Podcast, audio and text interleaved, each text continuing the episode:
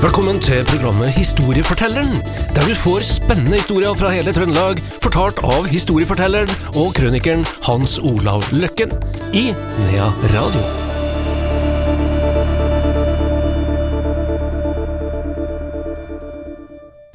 Velkommen tilbake til historiefortelleren her i Nea Radio. Velkommen tilbake til Hans Olav Løkken, vår historieforteller. Jo, takk. takk. Vi eh, skal til Hell i Stjørdal kommune, og det skal handle om et mord på Gjevingåsen. Ja. Da må vi begynne med den eh, 6. august i 1940. Da strever ei eh, vakker eh, ung kvinne seg oppover motbakkene fra Hell. Hun eh, syntes nok turen var strevsom, men hun gleda seg veldig til å treffe venninnen sin, hun Mari, i byen. Eh, nå var vel kanskje ikke det møtet som var hovedårsaken til bytur, hun skulle til øyenlege. Og eh, venninna gikk på Levanger lærerskole i lag med hun her, så de eh, skulle da møtes utpå høsten da, for andre året på lærerskolen. Og hun her hun hadde blitt advart av mora si om å dra alene til Trondheim. Normalt sett skulle hun ha, eller, vanligvis så var de to når de var ute på sykkeltur og sånn, men hun, ei anna, eller tredje venninne her nå, kunne ikke være med, og meldte avbud, og dermed så skulle hun her dra alene. Og eh, hun ble advart. Og hun som trakk seg, hun trakk seg fordi at foreldrene hennes nekta at hun skulle sykle til Trondheim på grunn av krigen, at tyskere på Værnes. Men hun herre vakre unge dama her, da, lærerskolestudenten, som het Ragna Kvålen, Ragna Kvålen, hun hadde sykla av gårde, og hun eh, hadde litt dårlig samvittighet.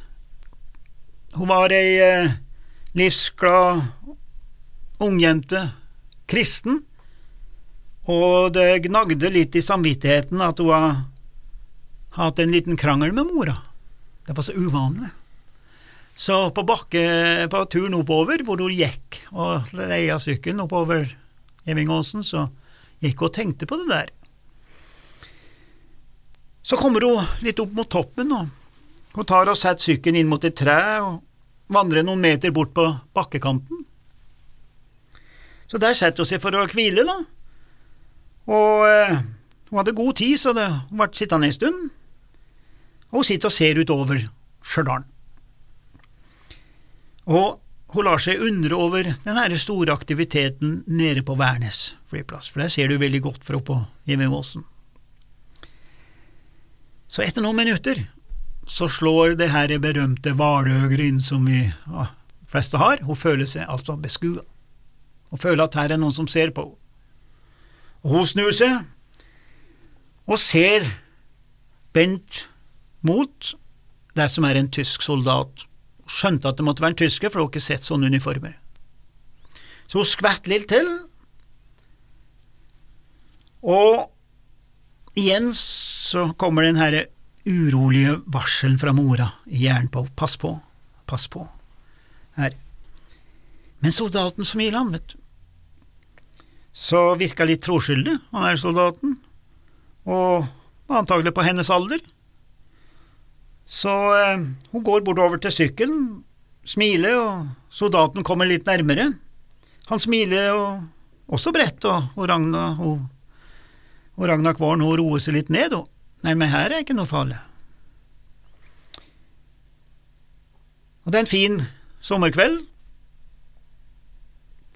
Bilene passerer, folk passerer, og eh, soldaten sier noe.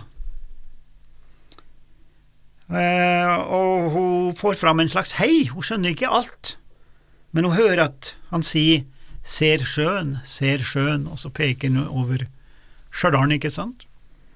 Ja ja, fint, svarer hun Ragna. Hun var glad til at her ble en kommunikasjon, da følte hun seg trygg.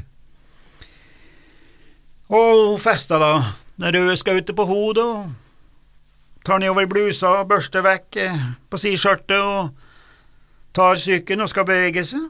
Da kommer han, og så tar han tak i sykkelen hennes, og til å begynne med ble hun litt redd, men så skjønte hun ah, nei, han var jo en, en herr, han var sånn gentleman som skulle leie sykkelen hennes oppover. Og så hun ble litt naiv, og ble altså ga han tillit. Og når han kom litt oppover, så svinger han av liksom veien, og hun roper nei, nei, nei, jeg skal til byen.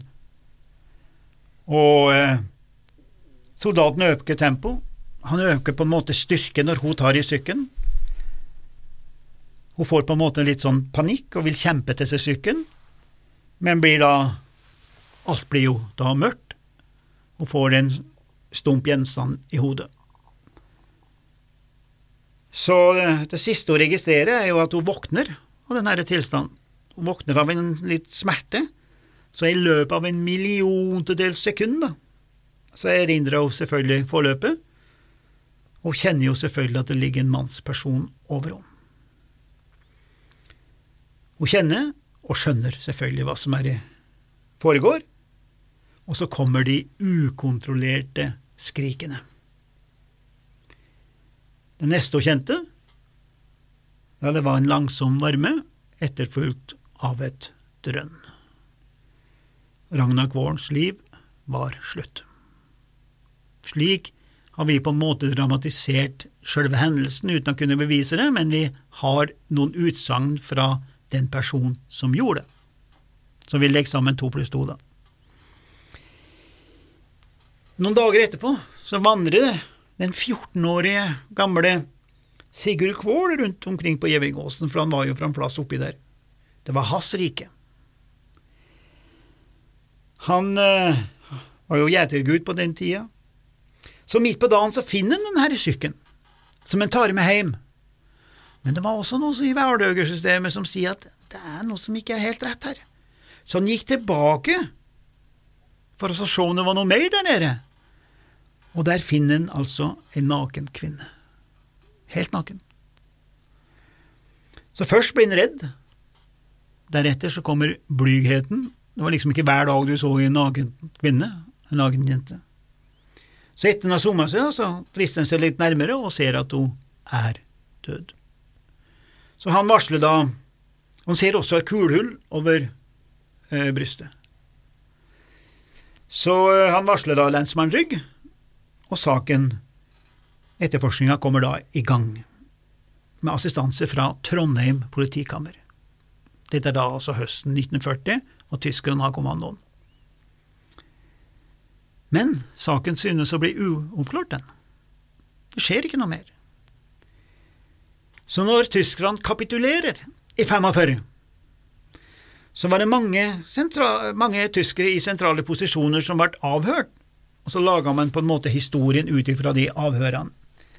Og der var det en tysker som hadde bodd i Norge, også før krigen, og som hadde tjenestegjort under krigen som tolk. Så han hadde kommet over papirer og kjente til denne saken, og han kunne fortelle at det var en tysk gefreiter som hadde gjort det her, og gefreiter er samme som korporal, da. Korporalen ble arrestert, han, for ugjerninga, og han hadde sagt at han hadde i ren desperasjon skutt hun herre jenta med en armépistol idet hun begynte med ukontrollerbare skrik. Altså, han skyldte på at han fikk panikk, da. Det har vært skriftlig, så derfor så legger vi sammen og får den dramatikken her, da, ut av det. Og korporalen han ble da ansett av sine egne som et udyr. Han var nok en mentalt forstyrra person.